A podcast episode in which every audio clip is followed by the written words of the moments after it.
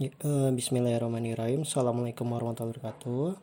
Ya, uh, teman-teman semua, pada kesempatan kali ini saya coba akan merangkum uh, materi kita tentang teknik sitasi. Nah, sitasi itu apa? Sitasi itu adalah sebenarnya cara yang dilakukan oleh uh, seorang peneliti atau penulis untuk menunjukkan kepada pembaca dari karyanya bahwasanya ada materi tertentu ataupun konten-konten di dalam karya ilmiahnya yang berasal dari karya orang orang lain seperti itu. Jadi sitasi itu nantinya sebenarnya fungsinya adalah untuk menunjukkan asal usul atau sumber dari suatu kutipan gitu ya yang dicantumkan di dalam karya tulis yang dibuat oleh seseorang sehingga nanti uh, tetap mengindikasikan bahwasanya kutipan itu ya uh, pernyataan orang pernyataan orang atau hasil karya orang lain.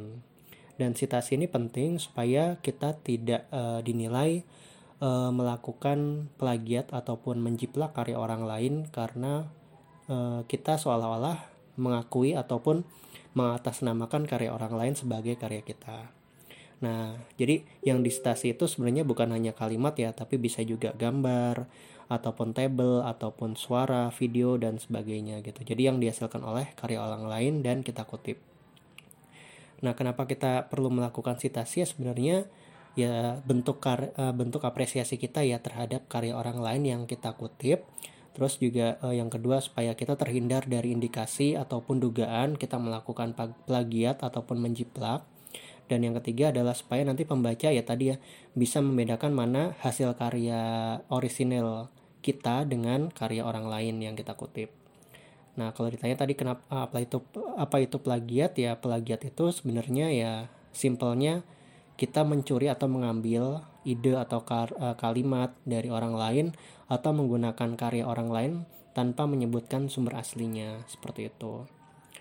Jadi uh, plagiat ini juga penting untuk kita waspadai ya karena nanti sanksinya juga uh, cukup berat gitu kan karena selain kita bisa nanti bisa mendapatkan teguran ataupun peringatan bahkan kita pun juga kalau misalkan statusnya masih mahasiswa bisa dicabut uh, status kemahasiswaannya atau bahkan untuk orang orang-orang yang sudah lulus gitu kan itu bisa dicabut uh, ijazahnya atau dibatalkan ijazahnya karena ketahuan melakukan plagiat.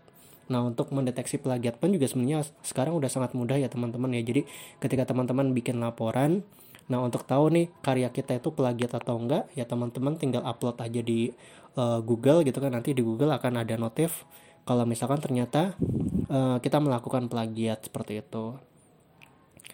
Nah uh, supaya kita tidak dinilai plagiat, ketika kita mengutip tadi ya, itu tidak sekedar kita cuma sekedar copy paste uh, suatu kalimat ataupun uh, kutipan dari sumber asli ke dalam karya kita. Tapi ketika kita mengutip teman-teman ini pernah dijelaskan sama Bu Ami juga. Jadi kita itu menuliskannya kembali atau membahasakannya kembali ke dalam uh, bahasa kita ketika kita ingin menuliskannya di dokumen. Jadi kalau misalkan teman-teman pernah bikin laporan atau dokumen terus ada kalimat ataupun paragraf yang itu di copy paste dari sumber lain nah itu plagiat namanya. Tapi supaya nggak plagiat teman-teman bahasakan lagi ke dalam bahasa teman-teman baru diketik di uh, dokumen teman-teman. Dan tetap mencantumkan dari mana asal sumbernya.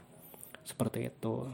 Jadi ya untuk mengutip sendiri sebenarnya teman-teman bisa ngambil referensinya baik dari buku ataupun jurnal atau uh, tesis skripsi atau dari website-website uh, artikel ilmiah yang ada di internet. Tapi dengan catatan ketika teman-teman mengambil dari internet usahakan teman-teman tidak mengambil dari blog ya karena itu rentan untuk dirubah ataupun diedit oleh siapa pun yang termasuk kontributornya kayak gitu. Jadi carilah kalaupun mau ngambil dari internet cari dari sumber-sumber yang terpercaya. Kayak misalkan dari website pemerintahan atau dari website universitas atau dari lembaga penelitian lainnya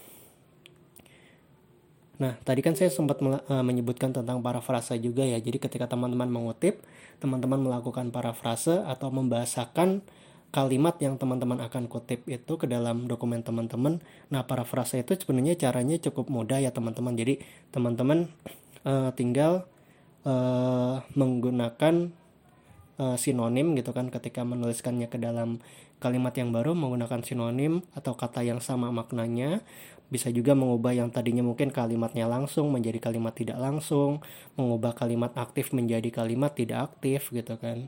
Nah, itu bisa dilakukan uh, untuk teman teman-teman ketika akan melakukan parafrase atau mengutip dari sumber asli.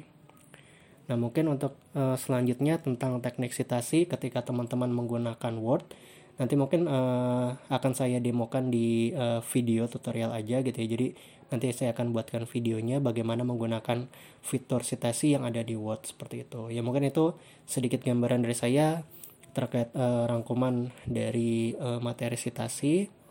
Sekian dari saya. Kurang lebihnya, Assalamualaikum warahmatullahi wabarakatuh.